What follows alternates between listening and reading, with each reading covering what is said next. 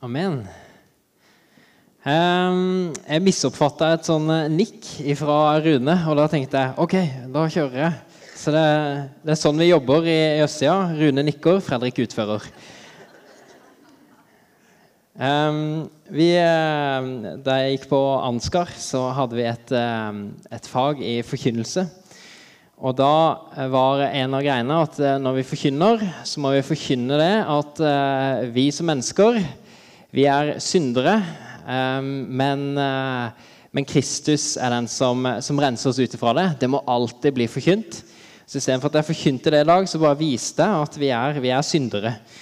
Så, eh, så, det var en god, eh, en god oppfriskning på kanskje eh, Jeg må tenke to tanker før jeg, før jeg gjør hva, Rune nikker. I dag så skal vi ha om Kristushymnen i Filipperbrevet. Og det er, en, det er, på en måte selve korpuset, selve liksom skjelettet, selve hovedfokuset i Filipperbrevet. Og så har jeg lyst til å dra dere litt gjennom bakgrunnen for, eh, for Filipperbrevet. Um, Paulus kom til den romerske kolonien i Filippi i Makedonia under den andre misjonsreisen hans rundt år 50. Og Det er faktisk første gang evangeliet kom til, eh, til Europa. Så, og Det kan du lese om i Apostelens gjerninger 1611-40. Hele den historien om hvordan det skjedde. En veldig interessant historie om hvordan, eh, hvordan, eh, Gud leder gjennom feil som man snur til velsignelser. De blir jo bl.a. satt i fengsel og på en måte fører til at eh, fengselsvakten han blir frelst. Så det er, det er herlig. Brevet er, til menigheten i Filippi er skrevet eh, mens Paulus satt i fengsel. Enten i Efsos fra 54 til 57 eller i Roma fra 61 til 63. Og Ellers så følger brevet en sånn tradisjonelt eh, brevform nådehilsen i begynnelsen. og, og sånt noe. Men det er ikke et belærende brev. Det er et vennskapsbrev. Og brevet er fylt av eh, gode ord. Og han, han, det er sånn hjerte til hjerte.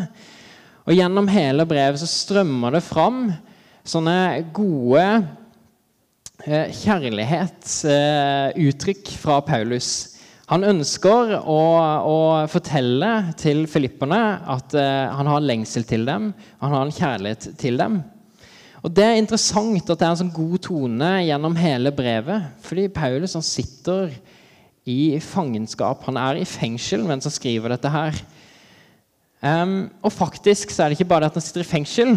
Han blir faktisk litt mobba også, Paulus. Men hva er det Paulus gjør? Jo, Han gjør det i god Børd-stil og møter mobberne med et smil.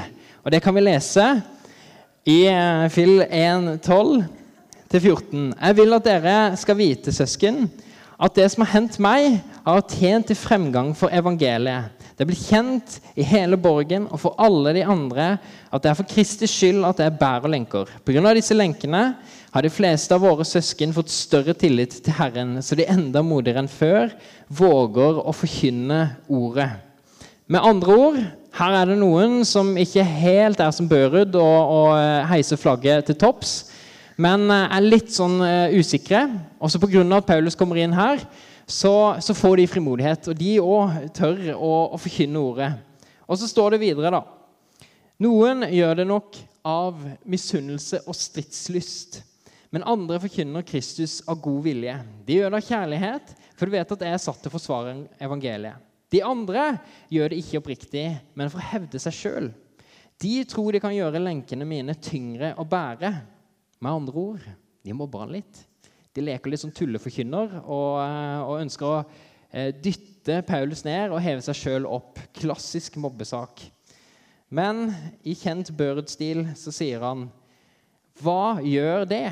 Kristus blir forkynt i alle fall, enten det skjer med baktanker eller oppriktighet. Og det er jeg glad for. Så han er fylt av morsomheter, han er fylt av glede. Og for å si det på godt kristent han er så fylt av Den hellige ånd at begeret hans renner over. Nettopp derfor er Filippe-brevet et sånt lettlest brev fylt av varme. Men det er ikke bare de overfladiske morsomhetene som gjør Eh, at eh, dette brevet er et lettlest brev. Ehm, det er mange dype, livgivende, visdomsfylte vers som vi må stoppe opp med og ta inn over seg. Og Et sånt vers som eh, Geir Johannessen i, eh, i Salem eh, kaller for karamellvers. Han sier å, jeg ser du har funnet deg en karamell. Og Da må du bare stoppe opp og kjenne at Herren er god. Suge på karamellen, nyte av den. Det er sånne karamellvers som er da i Kristushymnen, som er Filippene 2,6-11. Så du må stoppe opp, nyte det smake på det. Kristushymnen blir det kalt fordi det har et klart poetisk språk. og Den handler om hvem Jesus er. Hvem Jesus er for Gud, hvem Jesus er for oss mennesker. Hvem Jesus kommer til å bety for oss i fremtida, og hva han betyr for oss her og nå. Og Alt det der og hele evangeliet blir forkynt på bare 100 ord. På norsk er det akkurat 100 ord. Så hvis du lurer på hvor, 100, eh, hvor langt 100 ord er, så kan du se i Filippobrevet 2.6-11. Og Det tenker jeg er en saftig karamell. Jeg husker På bibelskolen da jeg gikk på Ansgar, så, eh, så uh, fikk vi en oppgave om å forkynne evangeliet på fem minutter. Uh, på den måten vi ønska. Og, og, der så var jeg den eneste klassen som gikk over tida. Og da sa min lærer Jonny Omdal at du, Fredrik, du skal få plusspoeng for å gå over tida. Det er slikt alle evangelister og predikanter gjør. Så det, det, skal du bare få plusspoeng for. Så håper vi at eh, dere har eh, tålmodighet med meg hvis jeg går over tida i dag. Men det jeg tenker jeg burde gjort, var å bare lese Kristushymnen. Det er en sånn visdom og en dybde som jeg ikke klarer å koke opp på syv minutter. OK, er dere klare for karamellen? Dagens karamell kommer nå, og vi leser i Jesu navn. Han var i Guds skikkelse og så det ikke som et rov å være Gud lik, men ga avkall på sitt eget, tok på seg tjenerskikkelse og ble mennesker lik. Da han sto fram som menneske, fornedret han seg selv og ble lydig til døden. Ja, døden på korset. Derfor har også Gud opphøyd ham til det høyeste og gitt ham navnet over alle navn i Jesu navn skal derfor hvert kne bøye seg, i himmelen, på jorden og under jorden. Og hver tunge skal bekjenne at Jesus Kristus er Herre, til Gud Faders ære. La den synke inn. Ta en kunstpause. Det er en, eh, en saftig karamell. Og um, Eh, det har ikke helt det dagligdagse språket vårt. Det er noen ord det er noen vendinger der som eh, vi kanskje ikke bruker eh, til vanlig. En vanlig oppdeling av Kristushymnen er at 6-8 handler om fornedrelsen, og 9-11 handler om opphøyelsen. Og Fornedrelse det er kanskje ikke et ord vi bruker så mye, men det handler om at Jesus ydmyker seg sjøl. Han tar på seg en tjenerskikkelse. Jesus, som er Gud. Den høyeste posisjonen som finnes i skaperverket, faktisk. Mange som prøver å bli lik Gud. Ingen som har lykkes i det. Men han inntar en tjenerposisjon, og det er ganske spesielt. Og det er det den handler om, den første delen, fornedrelsen. Og så har jeg lyst til å dele hymnen inn i seks deler. Og Dette gjør jeg for at dere skal få en dypere forståelse av teksten. Og så må jeg si til dere praktikanter det kommer noe praktisk etterpå, så bare hold ut. Det kommer. Men jeg tenker som så at eh, en, eh, en god karamell kan vi ikke bare pakke opp av eh, papiret og så svelge hel. Den må nytes. Den må brytes ned i munnen og, og kjennes på. All sukkeret må liksom eh, inntas og brytes ned i munnen først. Så det skal vi gjøre nå. Så da bare har jeg den på eh, der, og så følger dere med. OK, del én, vers 6. Eh, der snakker Paulus om Kristi preeksistens. Bom, der mista jeg 80 tenker jeg. Det betyr at eh, Jesus har eksistert for alltid. Han har eksistert før han ble menneske. Han var i Guds skikkelse, står det. Jesus var altså hos Gud før han ble menneske. Og På gresk så står det morf, eller morfe, som er det greske ordet for skikkelse. Og Det har en tett tilknytning, tilknytning til hans vesen, til Guds vesen. Så Jesus skikkelse er knyttet til Guds vesen. Og så står det i, i Johannes 17, 17,5 Jesus ber til Gud, hvor det står Far, gi meg nå din herlighet, den herligheten som jeg hadde hos deg før verden ble til. Så før verden ble til, altså Jesu Kristi preeksistens, så hadde han den samme herligheten som Gud. Hva svarer herlighet til? Det svarer til tre ting. Hans storhet, hans makt og hans ære. Så disse to tingene er tett tilknytta til hverandre. Vesen, skikkelse og storhet, makt og ære. Det betyr med andre ord at hvis vi legger de her tingene sammen, så er Jesus Gud. Jesus er Gud. Han er lik i både skikkelse, form og makt. Det kan du ta videre til Jehovas vitner, for de tenker ikke sånn. Deretter kommer til fornedrelsen i vers 7. Kristus gir avkall på sitt eget. Han gir fra seg det som er hans, altså hans makt, hans posisjon og hans skikkelse. Han gir avkall på det å være Gud lik. Så kommer vi til nummer tre. Jesus blir menneske. Her er det faktisk flere steg i denne forandringen. For ikke bare nok med at han blir menneske, han blir også den laveste av oss mennesker. Han tar på seg en tjenerskikkelse. Og det er jo ganske spesielt for en som er Gud, å ta på seg en tjenerskikkelse. Og På den tida og i hvert fall så var du da regna som søppel. Han menga seg med tollere. Han ble den laveste i skaperverket på mange måter. Og det er denne tjenerskikkelsen det er et lysende eksempel på hva vi som kristne skal ha til forbilde og etterfølgelse. Nummer fire, Mitt punkt nummer fire det er da vers 8. Kristus led døden på korset. Det romerske korset var et torturerende dødsmiddel. Regna for eh, de aller verste forbryterne og slaver. Ehm, men gjennom hele Jesu tjeneste så sier han at det største skal bli det minste, og minste skal bli den største. Det står bl.a. i Matteus 23, 12. Og Der tenker jeg at korsdøden, det at eh, han lider den verste døden, er som et sånn ikon på at Jesus gjør akkurat det. Han som var størst blant oss mennesker, han blir minst og dør på den mest nedverdigende måten som fins. Så kommer vi til Jesu Kristi opphøyelse. Jesus får tilbake sin posisjon, og han får navnet over alle navn. Det er Herre på norsk, og det er kanskje ikke så heftig på norsk. Men på hebraisk er det Yahweh, og der så er det så hellig for jødene at de ikke sier det. De legger ikke det ordet i sin munn. Så stort, så hellig er det.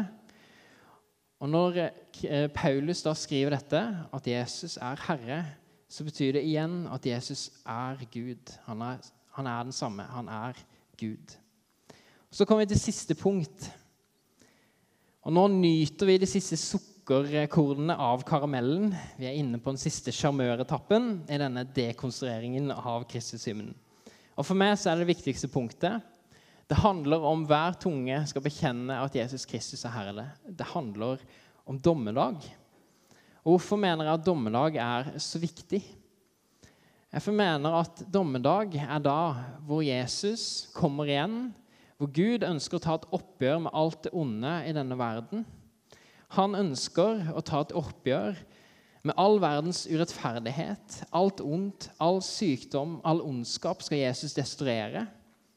Og Jeg er så glad for å kunne si det at vi har en rettferdig Gud som ønsker å ta et oppgjør med det onde. Og Det er en, en kjent innvending mot kristendommen, det ondes problem. Hvordan kan Gud finnes, som er en allmektig og kjærlig Gud, når det er så mye ondt i verden?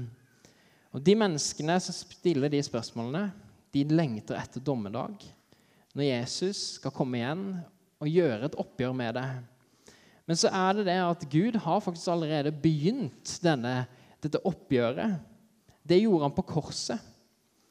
Og eh, Paulus skriver noe i Romene 12 om en tilstand som vi lever i, som heter 'allerede, men enda ikke'. Det vil si at Jesus allerede har gjort det mulig for oss å få tak i det evige liv, selv om han enda ikke har gjort det endelige oppgjøret med det onde. Himmelen har kommet ned på en måte. Det er åpenbart for oss. Samtidig så lever vi ikke i, i fullstendig helbredelse, fullstendig eh, paradis ennå. Det er et allerede, men enda ikke. Det er at Jesus har sletta vår synd, ikke fordi vi fortjener det, men fordi Gud elsker oss så høyt. Det er som at vi synker i et hav, og Jesus hiver ut sin livlinje, hvor vi kan få lov til å ta tak i det og bli dratt inn til Han. Hvor Han har bygd en bro mellom det som skiller oss mennesker fra Gud. Og han inviterer oss til å gå over denne nådebroa til Gud. Det er et allerede, men enda ikke. Og Jeg er så glad for å kunne si det, at Gud ønsker å gjøre og sier i sitt ord han skal ta et oppgjør med det onde. Det var den karamellen. Så nå ligger teologien klart og tydelig foran oss. Og spørsmålet blir nå til dere praktikanter hvordan kan dette påvirke meg og mitt liv? For meg så er det spesielt én ting som, eh, som, ligger klar for meg når jeg får liksom, eh, sortert det litt. Og det er den ydmykheten som Jesus viser gjennom sitt liv. Den tjenerskikkelsen som vi er kalt til å etterligne. Og Jeg har lyst til å utfordre oss på å begynne å gå en vei hvor vi tillater at Den hellige ånd får større spillerom i vårt liv. Nei, det skal ikke stå på våre gjerninger. Det er Den hellige ånd i oss som skal vokse. Men vi må gi han spillerom. Vi må på en måte låse opp et rom for at han kan få lov til å gå inn i det. Og på den måten så kan Gud bruke oss, og Den hellige ånd kan vokse større i oss. Eh, og I Filippo-brevet så gir Paulus oss gode svar på hva som skjer når vi lar Den hellige ånd få spillerom i våre liv. I Filippene 2,2 står det 'Ha samme sinnelag og samme kjærlighet, vær ett i sjel og sinn'. Gjør ikke noe av selvheldelse og tom ærgjerrighet, men vær ydmyke og sett de andre høyere enn deg selv. Det er frukten av det livet Den hellige ånd skaper i oss når vi er villige til å gi hans spillerom i våre liv. Magnus Malm sier en setning som, eh, som jeg har gått og, og grunna litt på. Og det er at eh, vi må bli det vi allerede er. Vi må bli det vi allerede er. Vi er Guds barn. Så bli det, er på en måte det Magnus Malm sier. Og det er jo egentlig det disippelskap handler om. At vi mer og mer nærmer oss det å faktisk være Guds barn og bli det vi allerede er. Og igjen så tenker jeg at det er en henspeiling på Romerne 12, hvor Paulus sier 'allerede, men enda ikke'. Og eh, Kristushymnen i Filippene 2, 6-11 har betydd noe spesielt for meg opp igjennom. Eh, er alltid en person jeg tenker på når jeg leser den hymnen. Og Det er en som heter Eivind, som for meg eh, altså Han gikk langt utover sin tjeneste som lovsangsleder i Philadelphia Arendal da jeg gikk der da jeg var 15 år. Han så nok at jeg sleit litt. Og um, på den tida så, så um, følte jeg at min far kunne ringe meg bare for å fortelle meg at jeg ikke var bra nok. Så jeg gikk rundt med en følelse av at jeg strekker ikke til, jeg er for dårlig, jeg er ikke bra nok.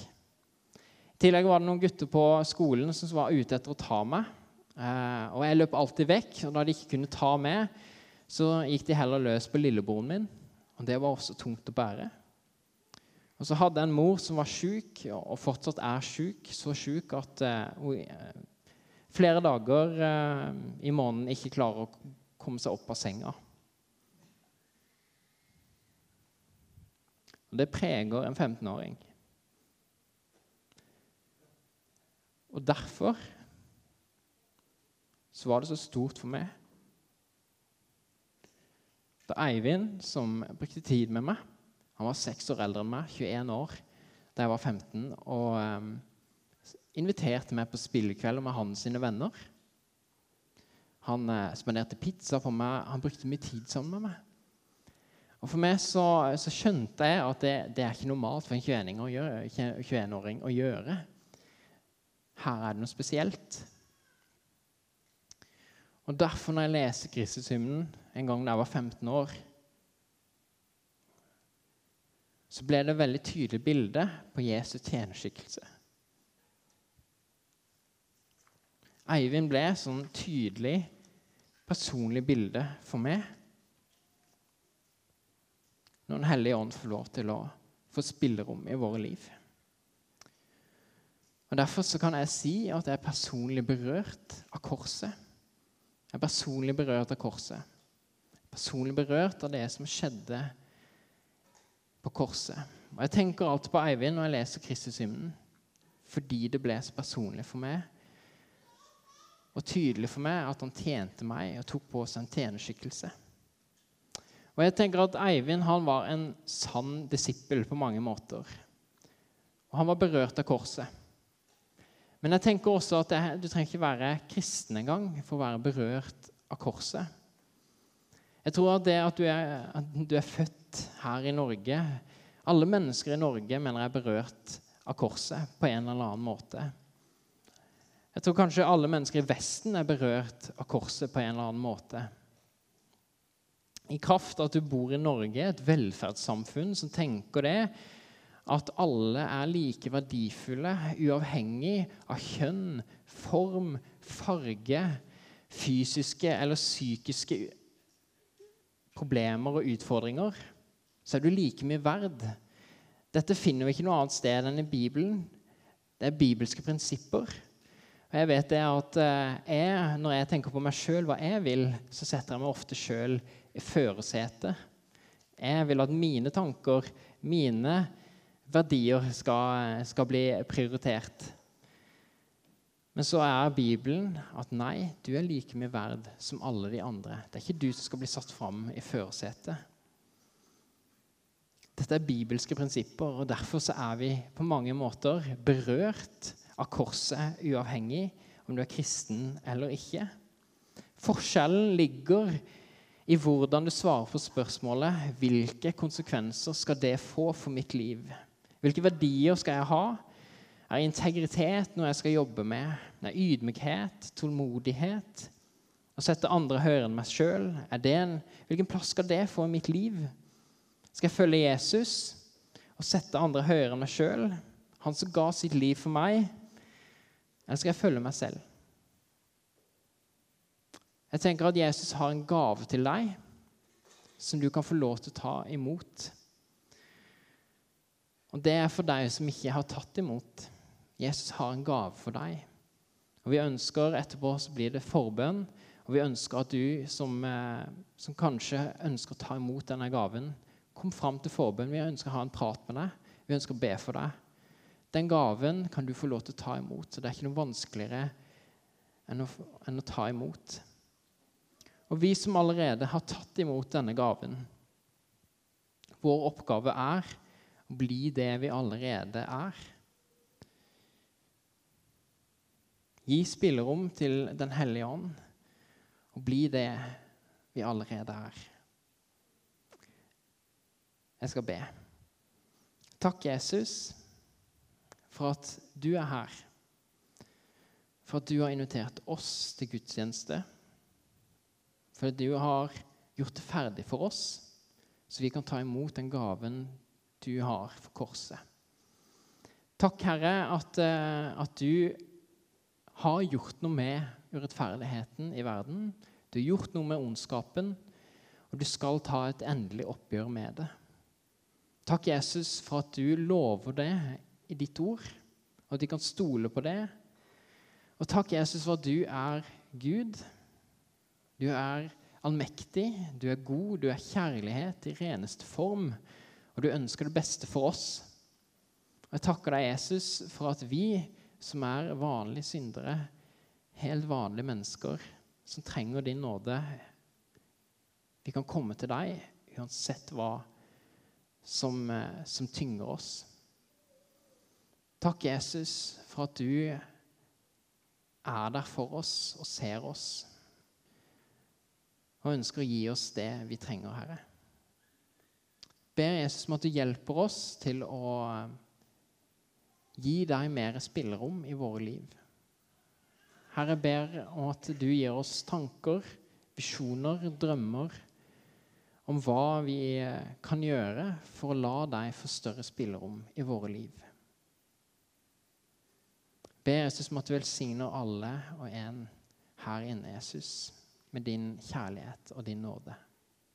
I Jesu navn. Amen.